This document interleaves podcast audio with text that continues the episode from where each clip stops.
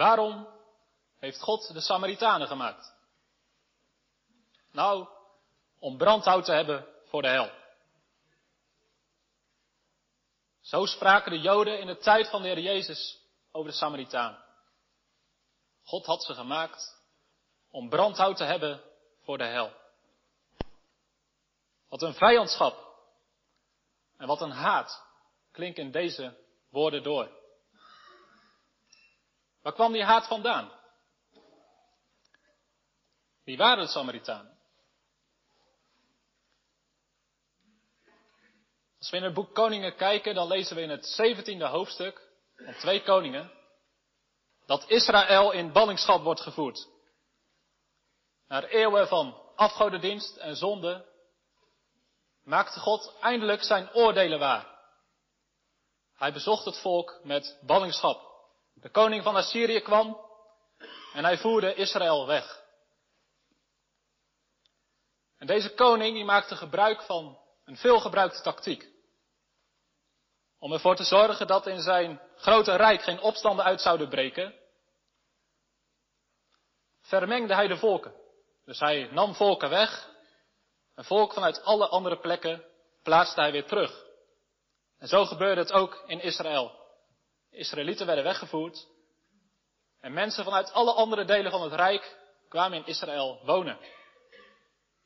Maar, zoals u begrijpt, deze volken namen allemaal hun eigen gewoonten mee, maar ook hun eigen godsdienst, hun eigen goden.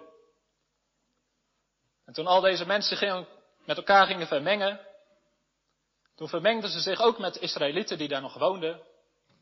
En er stond een mengelmoes van godsdiensten. En de ware godsdienst aan de Here maakte plaats voor afgodendienst. En we lezen in 2 Koningen 17 dat er van dit volk dit wordt gezegd, van de Samaritanen dus. Zij vreesden de Here en dienden ook hun goden, naar de wijze van de volken van welke zij weggevoerd waren. En aan het eind staat het weer. Deze volken vreesden de Heeren en ze dienden hun gesneden beelden. En de Joden die hadden hier zo'n afkeer van, want dit was niet de ware, zuivere godsdienst aan de Heeren, dat ze geen enkel contact wilden hebben met deze Samaritanen. En dat ging zelfs zo ver dat ze niet eens door Samaria wilden reizen. Het land Israël kunt u globaal opdelen in drie delen. Noorden Galilea, in het midden ligt Samaria en in het zuiden ligt Judea. En kinderen, dat kunnen jullie vergelijken met Nederland. Maar in het noorden heb je Friesland, in het midden heb je Gelderland, in het zuiden heb je Brabant. En als je van Brabant naar Friesland wil, en je wil de kortste route, dan ga je door Gelderland. Maar stel, je hebt zo'n hekel aan die mensen die in Gelderland wonen, dat je liever via Duitsland gaat. Nou, zo was het in de tijd van de Heer Jezus. De mensen, de Joden die van Judea naar het noorden Galilea gingen, die konden het beste gewoon naar Samaria, dat was de kortste route, maar ze hadden zo'n hekel aan die mensen, dat ze liever helemaal eromheen gingen. Maar, dit deed Jezus niet. Want in Johannes 4 hebben we gelezen in het derde vers, dat Jezus van Judea naar Galilea gaat. En in vers 4 staat, hij moest door Samaria gaan. Waarom vertrok Jezus uit Judea? Misschien heeft het u ook verbaasd toen u het eerste vers las. Als de Heere verstond dat de fariseeën gehoord hadden dat Jezus meer discipelen maakte dan Johannes. Waarom is dit een reden dat Jezus uit Judea vertrekt? De fariseeën hoorden dat Jezus nog meer discipelen had dan Johannes. Nou, dit is Johannes de Doper. En als we in de andere evangeliën lezen, dan lezen we ook dat Jezus naar Galilea gaat. Omdat hij heeft gehoord dat Johannes de Doper in de gevangenis is gezet. En we weten dat Herodes het heeft gedaan, maar blijkbaar zit hier de fariseeën achter. Die zo'n haat hadden gekregen naar Johannes de Doper, dat hij zoveel volgelingen had, dat ze ervoor zorgden dat hij in de gevangenis kwam. En Jezus maakt nog meer discipelen. Dus eigenlijk is hij nog een groter gevaar. Dus Jezus weet, als hij blijft in Judea, dan zal hij spoedig gevangen genomen worden. En omdat het zijn tijd nog niet is, vertrekt hij dus naar Galilea. En hij gaat dus door Samaria en we lezen dat hij midden op de dag aankomt bij een bron. Er staat dat het de zesde uur is. En dit komt overeen met onze tijd, twaalf uur s middags. Midden op de dag. Vlak bij de stad Sigar, bij de berg Ebal. En hij staat, hij stuurt zijn discipelen naar de stad om eten te kopen. En zelf blijft hij daar bij die bron zitten. En er staat dat Jezus vermoeid is. Bijzonder hè? Jezus is vermoeid. Hij is waarlijk mens. En dan, midden op de dag, komt daar een vrouw aan. Een Samaritaanse vrouw. En dit is heel ongebruikelijk midden op de dag. We weten vanuit Genesis dat het gewoon was dat vrouwen s morgens vroeg of s avonds kwamen putten. Maar deze vrouw komt midden op de dag in de hitte alleen. Deze vrouw is blijkbaar een verstotene. Ze hoort er niet meer bij in de gemeenschap. Ze mag niet mee met de vrouwen, s morgens en s avonds. En ze komt daar midden op de dag alleen, bij de put waar Jezus zit. Wat zal ze verbaasd hebben gekeken toen ze zag dat deze Joodse man tot haar ging praten. We lezen haar verbazing als ze zegt in vers 9, hoe begeert gij, die een Jood zijt, van mij te drinken, die een Samaritaanse vrouw bent? Waar er zoveel haat was tussen deze twee groepen. En dat de Joodse man tegen deze vrouw begint te praten. Het was onvoorstelbaar. En hier komt nog iets bij, want in de tijd van Jezus was het ook niet gebruikelijk dat mannen met vrouwen praten. Waarschijnlijk met hun eigen vrouw, maar verder hielden ze de vrouw op afstand. En hier lezen we dat Jezus niet alleen als een Jood met een Samaritaan spreekt, maar ook als een man met een vrouw. En die verbaasde reactie lezen we in vers 27 als zijn discipelen terugkomen. Daarop kwamen zijn discipelen en ze verwonderden zich dat hij met een vrouw sprak. Jezus gaat grenzen en tradities over. Waarom? Omdat hij mensen wil redden. Jezus gaat door Samaria omdat hij moest gaan. Omdat er veel Samaritanen tot geloof moesten komen. Jezus ging de grens over om als Jood met een Samaritaan te spreken. Hij ging de grens over om als man met een vrouw te spreken. Omdat hij de zaligheid van mensen belangrijker vindt dan cultuur en traditie en welke regels u ook maar kunt bedenken. Er ontstaat hier een bijzonder gesprek. Als u telt hoe vaak Jezus iets zegt en hoe vaak deze vrouw iets zegt, dan komt u allebei op het getal zeven uit. In zeven uitspraken openbaart Jezus zich als de beloofde Messias. En in zeven reacties komt deze vrouw tot het geloof dat Jezus de Messias is. We hebben de verbazing gezien bij de eerste uitspraak. Maar de verbazing zal nog groter zijn geweest toen Jezus het tweede deed. Wat het tweede zei. En die tweede uitspraak is ook onze tekst van vanmorgen, vers 10. Als Jezus zegt, als u de gave van God kende en wist wie hij is die tot u zegt, geef mij te drinken. U zou van hem hebben begeerd en hij zou u levend water gegeven hebben. De vrouw is verbaasd. Waarom? Nou, omdat ze iets anders denkt wat Jezus bedoelt met dat levende water, dan Jezus daadwerkelijk bedoelt. Wat bedoelt Jezus met dat levende water? Nou, laten we eerst kijken wat deze vrouw daarvan heeft gedacht. In het Oude Testament lezen we dat op een gegeven moment de knechten van Isaac gaan zoeken naar water. Ze graven overal putten. En op een gegeven moment hebben ze een plek gevonden waar water is. Een plek waar water opborrelt, waar water stroomt. En dan staat er, en zij vonden levend water. Dus levend water is bronwater, wat fris is, wat stroomt. En deze vrouw denkt, ik sta hier bij een put, bij een bron. En Jezus zegt, als u van mij levend water zou hebben gevraagd, dan zou ik het hebben gegeven. Logisch toch, dat die vrouw denkt aan het water uit de put. Maar zegt Jezus, hoe kunt u dat doen? Dat kan u helemaal niet. Deze put is diep. En we weten dat deze put meer dan 30 meter diep was. En dat is ongeveer net zo hoog als de kerktoren hier. Dan moet u voorstellen dat je met iemand op die kerktoren staat en er ligt iets op de grond wat je moet pakken. Je hebt helemaal niks om dat te pakken. Dat is onmogelijk. Zulke lange armen heb je niet. En die had Jezus ook niet. Dus die vrouw zegt, hoe kan dat? U hebt niks om mee te putten. En de put is diep. Waar hebt u dan dat levend water vandaan? Bent u meer dan onze vader Jacob die ons deze put gegeven heeft? Hij heeft zelf eruit gedronken en zijn kinderen en zijn vee. Het probleem van deze vrouw is dat ze niet begrijpt wat de gave van God is. En dat ze niet begrijpt wie degene is die tot haar spreekt. En Jezus wil haar die beide dingen duidelijk maken. In de versen 13 en 14 zegt hij nog een keer wat die gave van God is. En in de versen 16 tot en met 26 wil hij laten zien wie hij is.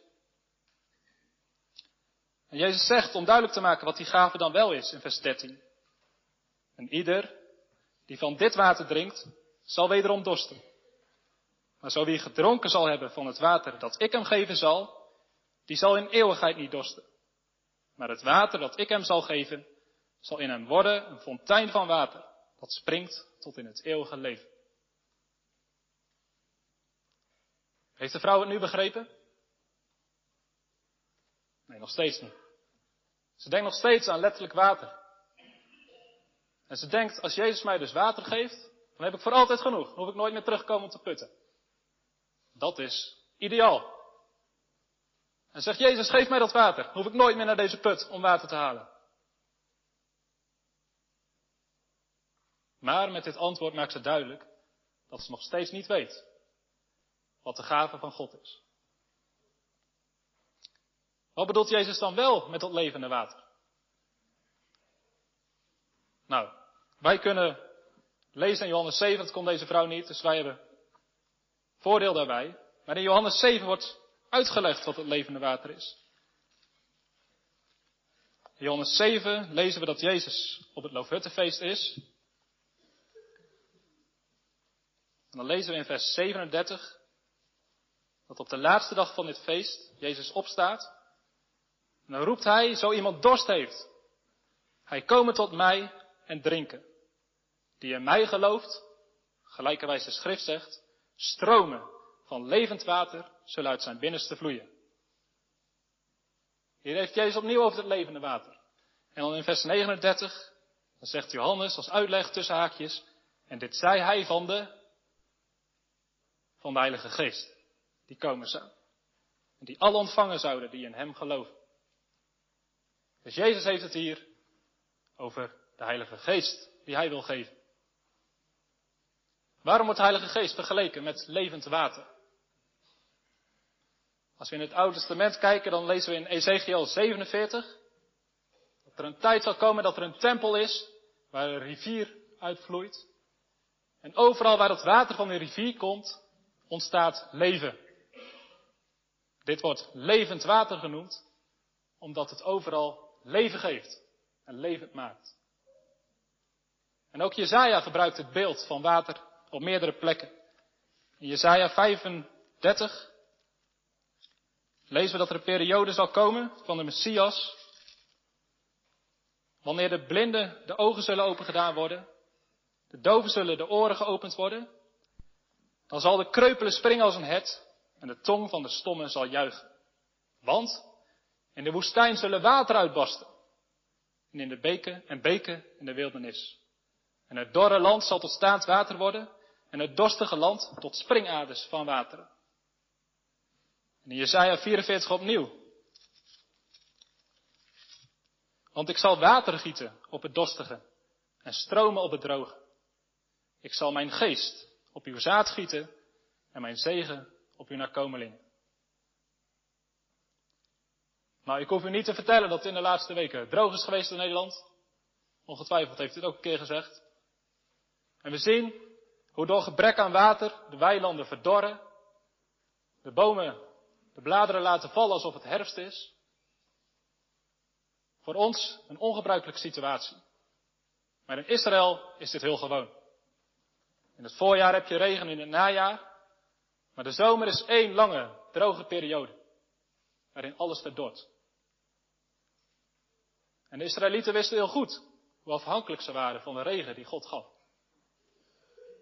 En als de natuur geen water zou krijgen, dan zou het onherroepelijk sterven. En zoals de natuur afhankelijk is van het regenwater, zo zijn wij voor ons geestelijk leven afhankelijk van de Heilige Geest. Zoals het water leven geeft en leven onderhoudt, zo is de Heilige Geest die ons geestelijk leven kan geven en geestelijk leven kan onderhouden. Heeft u die Heilige Geest ontvangen? U zegt, hoe weet ik dat? Wat is het werk van de Heilige Geest?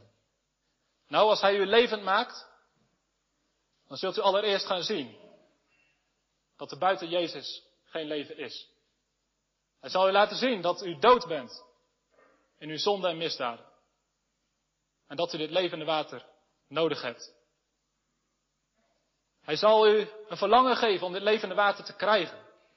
Het verlangen om bij God te horen. Om vrede met Hem te krijgen. Om met Hem verzoend te worden. Hij zal u zo verlangen geven dat u er alles voor over hebt. Om weer de relatie met God hersteld te hebben.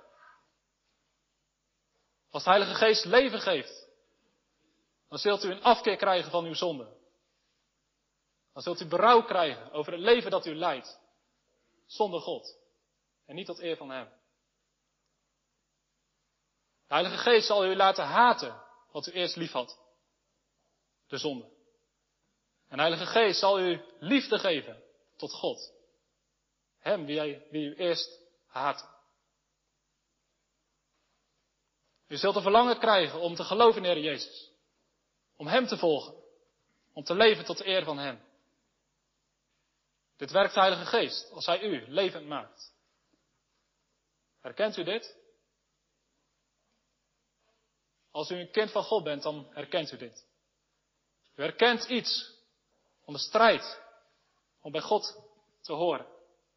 Om afstand te willen doen van de zonde. Het verlangen dat u Gods stem hoort. Dat Hij tot u spreekt. Het verlangen om voor Hem te leven. Misschien zegt u ja, dit herken ik wel. Maar het is vaak zo dor. En vaak heb ik helemaal niet zo'n berouw over mijn zonde. En verlang ik helemaal niet zo sterk naar God. Ik ervaar iets in mij wat helemaal geen zin heeft om voor God te leven. En als u het verlangen wel kent om bij God te horen, dan is dit een strijd tussen uw oude natuur, tussen het vlees en tussen de geest. Het is een teken dat u wel bij God hoort als u iets ervaart van de strijd. Dat u van God wordt afgetrokken.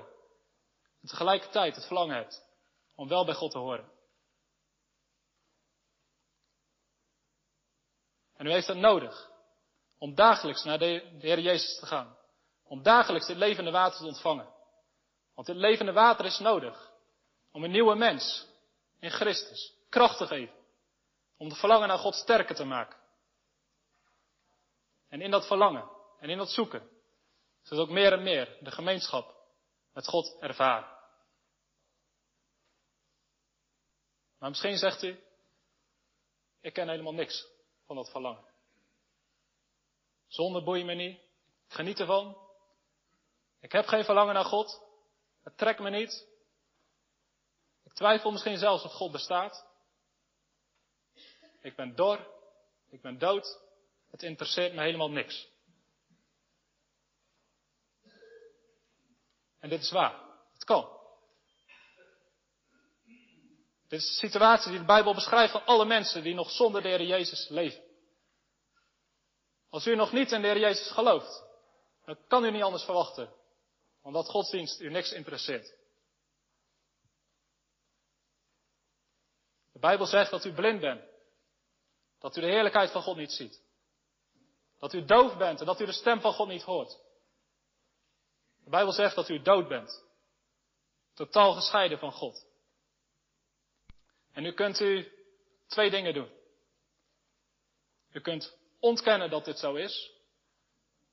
En waarschijnlijk loopt dat erop uit dat u ontkent dat God bestaat. Veel mensen in Nederland geloven niet in God. Waarom niet? Ze zeggen ik ervaar hem niet. Ik zie hem niet, ik hoor hem niet, ik merk hem niet.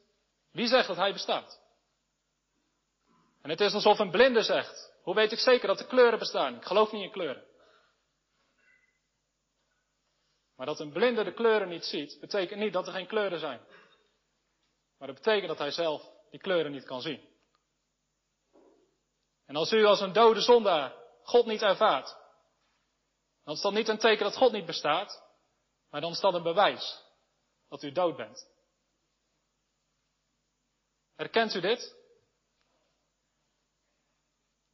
Maar u hoeft niet in uw dood te blijven. Want Jezus zegt hier dat Hij u levend water kan geven. Water dat levend maakt. En ik hoop dat u vanmorgen de noodzaak inziet dat u dit levende water daadwerkelijk krijgt. Dat de Heilige Geest in uw hart gaat werken en uw ogen opent. Dat u overtuigd wordt van uw zonde. En dat u de toevlucht gaat nemen tot de Jezus. En wat moet u daarvoor doen? Maar één ding. Vlucht naar de Jezus. Want Hij is de enige die u de Heilige Geest kan en wil geven. En laten we daarom kijken naar wie deze Heer Jezus is. Zoals ik heb gezegd in de versen 16 tot en met 26 openbaart Jezus zich als de Messias aan deze vrouw.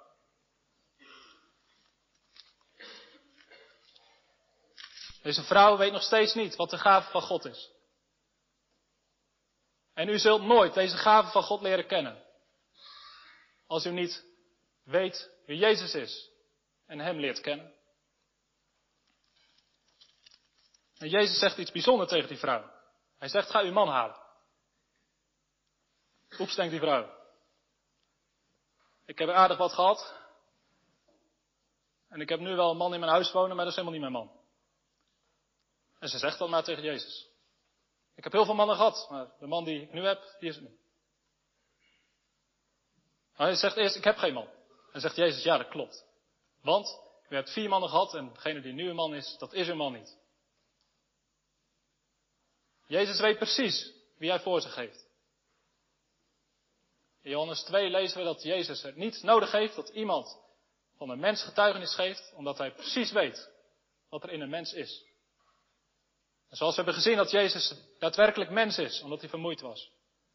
Zo zien we nu dat Jezus ook daadwerkelijk God is, die alle dingen weet.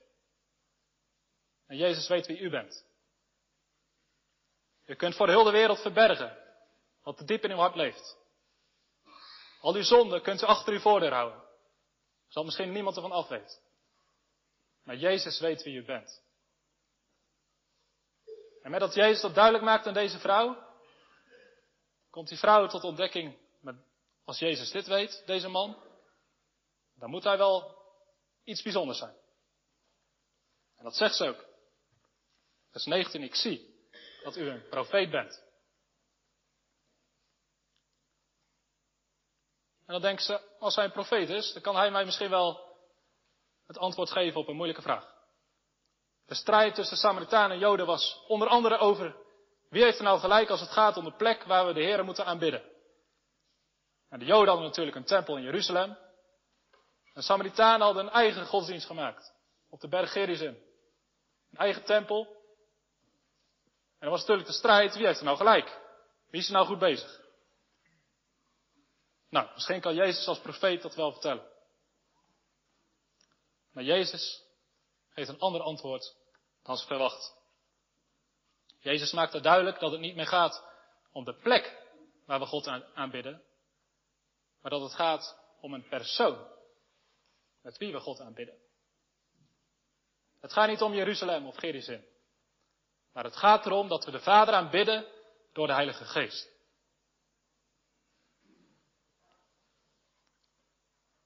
En dan lezen we dat Jezus haar ook een beetje bestraft. Jezus heeft haar onthuld als een zondares, als iemand die in seksuele zonde leeft. En Jezus bestraft dat.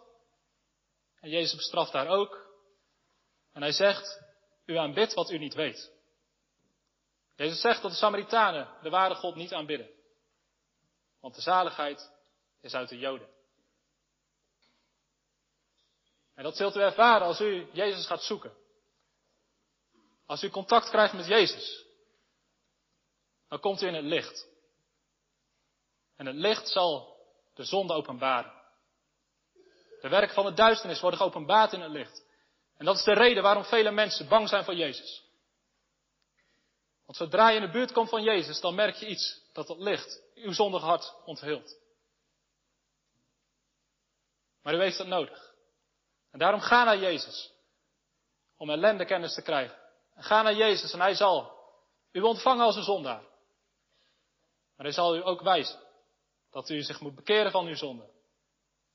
En hij zal u verlossen van die zonde. En opnieuw zal de vrouw zich verbaasd hebben over het antwoord dat Jezus heeft gegeven. Zo totaal anders dan ze waarschijnlijk had gedacht. En misschien gaat ze zich nu realiseren wie Jezus echt is. En ze zegt in vers 25, ik weet dat de Messias komt. En als Hij gekomen zal zijn, zo zal Hij ons alle dingen verkondigen. Misschien heeft de vrouw vermoed dat Jezus de Messias was. En dan zegt Jezus het. Ik ben het. De vrouw heeft ontdekt wie Hij is, die haar heeft gevraagd, geef mij te drinken. Het is de Messias.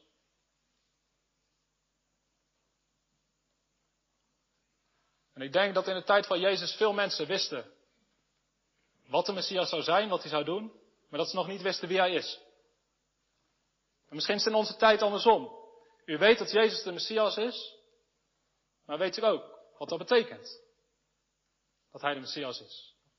Wat hij vervolgens doet. Het woord Messias betekent gezalfde. En in het Oude Testament werden drie soorten mensen gezalfd. Misschien weten jullie het wel, kinderen. Wie werden er gezalfd? Koningen. Denk maar aan koning David. Profeten. Denk maar aan de profeet Elisa. En de priesters. Denk maar aan priester Aaron. Dus in het Oude Testament werden koningen gezalfd, werden priesters gezalfd en werden profeten gezalfd. En dat zag allemaal op wie de Heer Jezus zou zijn. Hij is de ware profeet. En de vrouw die heeft al gezegd, ik zie dat u een profeet bent. Maar ze heeft zich toen nog waarschijnlijk niet gerealiseerd dat Jezus de profeet is. Hij is de profeet die komen zou. En wat was de taak van een profeet? Een profeet moest de mensen leren wie God was. En hoe ze voor hem konden leven. En Jezus als de ware profeet geeft ons alle kennis die wij nodig hebben. Om voor God te kunnen leven. Hij verlicht ons verstand, zodat we begrijpen wat hierin geschreven staat. Hij leert ons alles wat we nodig hebben. Om in de Heer Jezus te kunnen geloven. En Hem te kunnen volgen. En Hij leert ons hoe we kunnen leven tot de eer en glorie van God. En ik heb vaak mensen horen zeggen dat toen ze tot geloof kwamen, dat ze zeiden, de Bijbel, Bijbel begon te leven. Het sprak in één keer. Dat heb ik zelf ook zo ervaren de Bijbel je pakt en dat er in één keer geen dode letters meer zijn. Maar eigenlijk klopt het niet. Want de Bijbel leeft al. Alleen wij leven niet. En wat de Heer Jezus doet, Hij geeft ons het leven.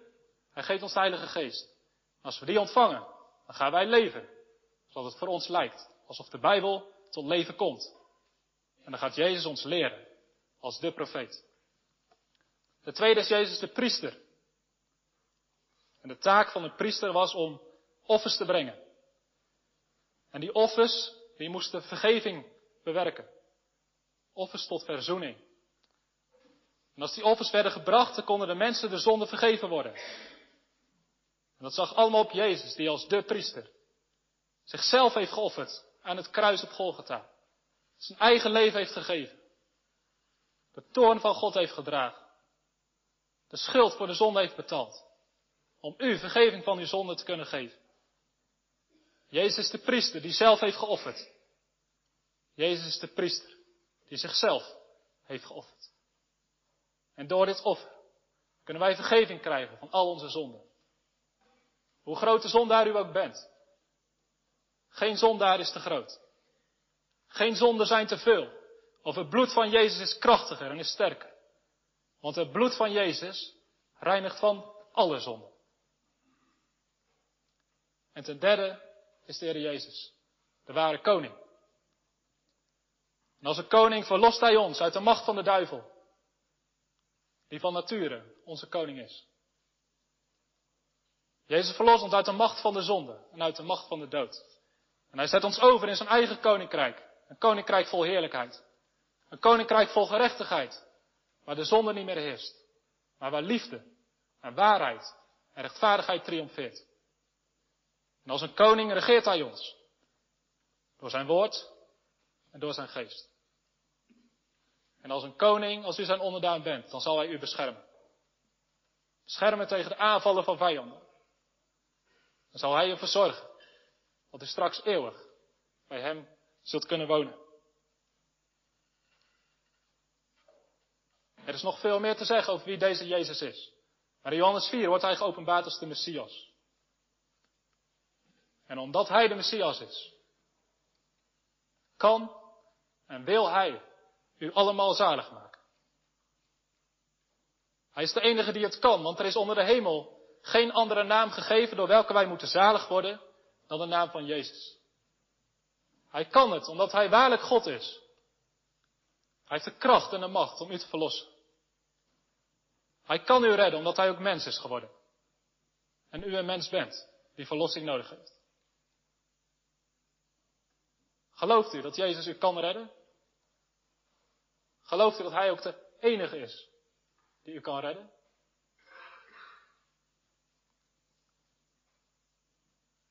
Maar Hij kan het niet alleen.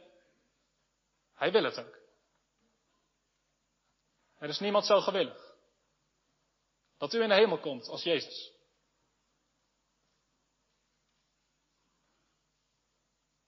We zien dat in heel het leven van Jezus.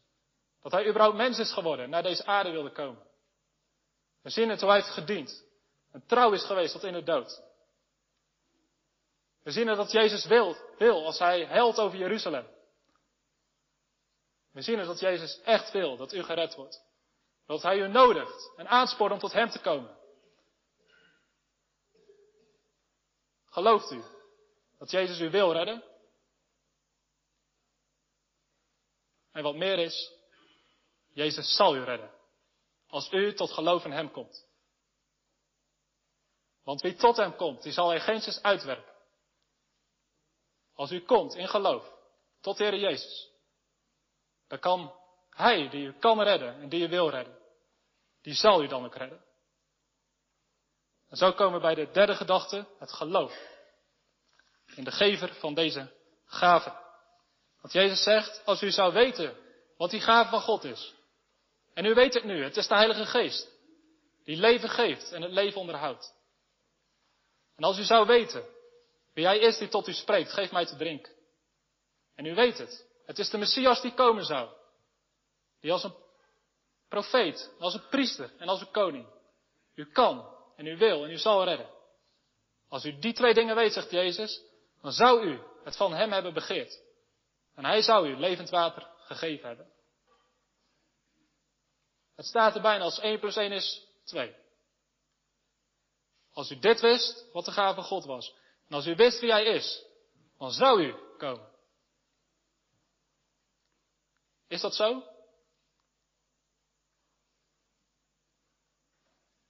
Als u weet dat u het eeuwige leven kunt krijgen. En u weet wie Hij is die het u kan geven.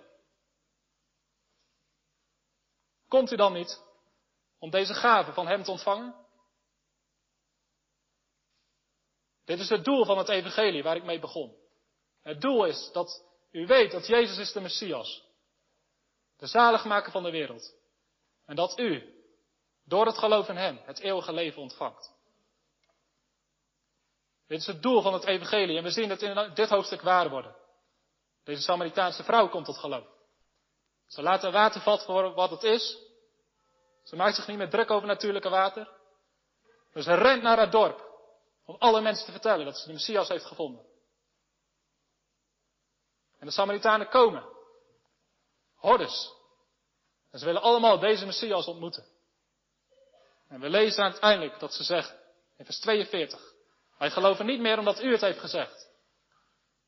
Want wij zelf hebben hem gehoord. En wij weten dat deze waarlijk is de Christus, de zaligmaker van de wereld. Heeft het deze uitwerking in u? Komt u nou vandaag naar de Heer Jezus om van Hem deze gave te vragen? Ik hoop dat u de noodzaak ziet. Want als het u niks interesseert en u bent nog steeds koud. En u bent van plan nog steeds door te gaan met uw leven. Dan laat het juist zien dat u naar Jezus moet. Dan laat het zien dat u dood bent en dat u dat levende water nodig hebt. Bent u overtuigd? Gaat u naar, de Heer, naar deze Heer Jezus. Maar misschien zegt u, hoe weet ik nou zeker dat ik dan daadwerkelijk ook gered zal worden? U twijfelt misschien of de beloften wel voor u zijn. U twijfelt misschien of Jezus u wel zal zalig maken. Of dat u misschien eerst aan bepaalde voorwaarden moet voldoen voordat die beloften voor u gelden. Maar Jezus geeft levend water. En hij biedt het aan niet aan levende mensen, want die hebben het niet meer nodig. Hij biedt het aan een dode mens. En alle beloften, die zijn voor zondaar. Om tot Jezus te komen en hem te ontvangen als een zaligmaker. Want hij is niet gekomen om rechtvaardigen zalig te maken. Hij is gekomen om zondaren zalig te maken.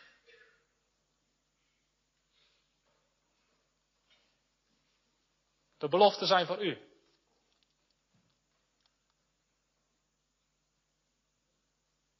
De Bijbel staat vol met nodigingen. U hoeft niet te twijfelen aan de bereidwilligheid van God. U hoeft niet te twijfelen aan de macht van God. U hoeft niet te twijfelen aan de trouw van God. Er staat van Abraham dat hij door het ongeloof God niet de oneer heeft gegeven, maar door het geloof God heeft geëerd. Omdat hij geloofde dat God, die het beloofd had, het ook kon doen. U hoeft maar twee dingen te weten. Dat het God u de belofte heeft gegeven. En ten tweede, dat hij vervolgens die belofte kan waarmaken. En als God die niet liegen kan, heeft gezegd. Alle die tot mij komen, zal ik geen zins uitwerpen. En alle die in de Heer Jezus geloven, zullen het eeuwige leven hebben.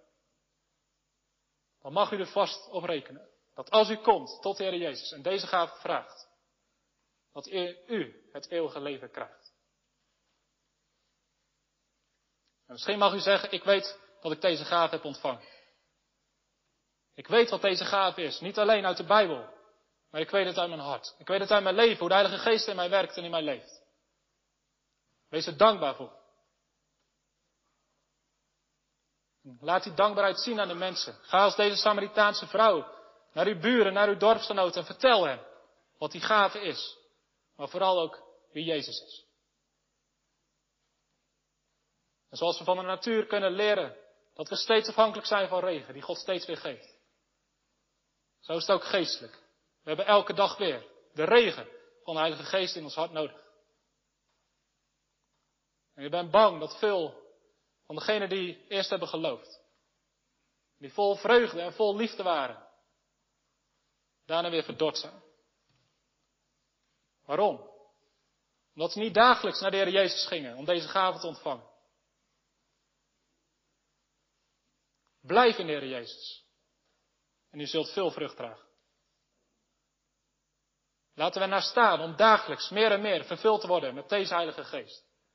Zodat we niet alleen zelf vervuld worden met stromen van levend water, Maar dat, zoals in Johannes 7 staat, dat die stroom ook uit ons binnenste zullen vloeien. Tot zegen van de mensen om ons heen. Als er één ding nodig is, wat u allemaal persoonlijk nodig hebt.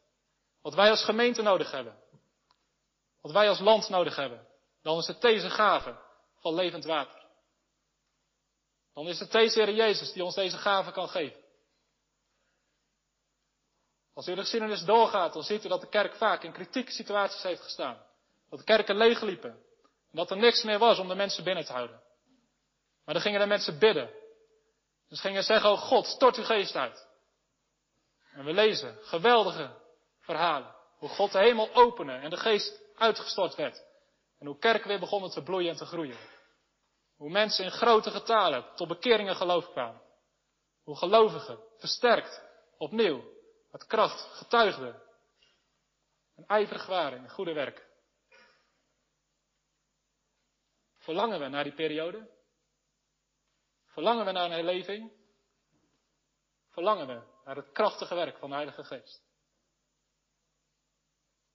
En laten we niet denken dat het onmogelijk is. Want als we in de natuur kijken, dan denken we hoe is het mogelijk dat die dorre weilanden weer groen worden? En als we naar de kerk kijken, dan denken we hoe is het mogelijk? Dat kerken die leeglopen weer volstromen. Maar een regenbui doet wonderen. En de uitstorting van de Heilige Geest doet nog veel grotere wonderen. Laten we alle, vandaag en morgen en elke dag, naar de gever van deze gave gaan, om het van Hem te begeren. En Hij zal ons levend water geven. Amen.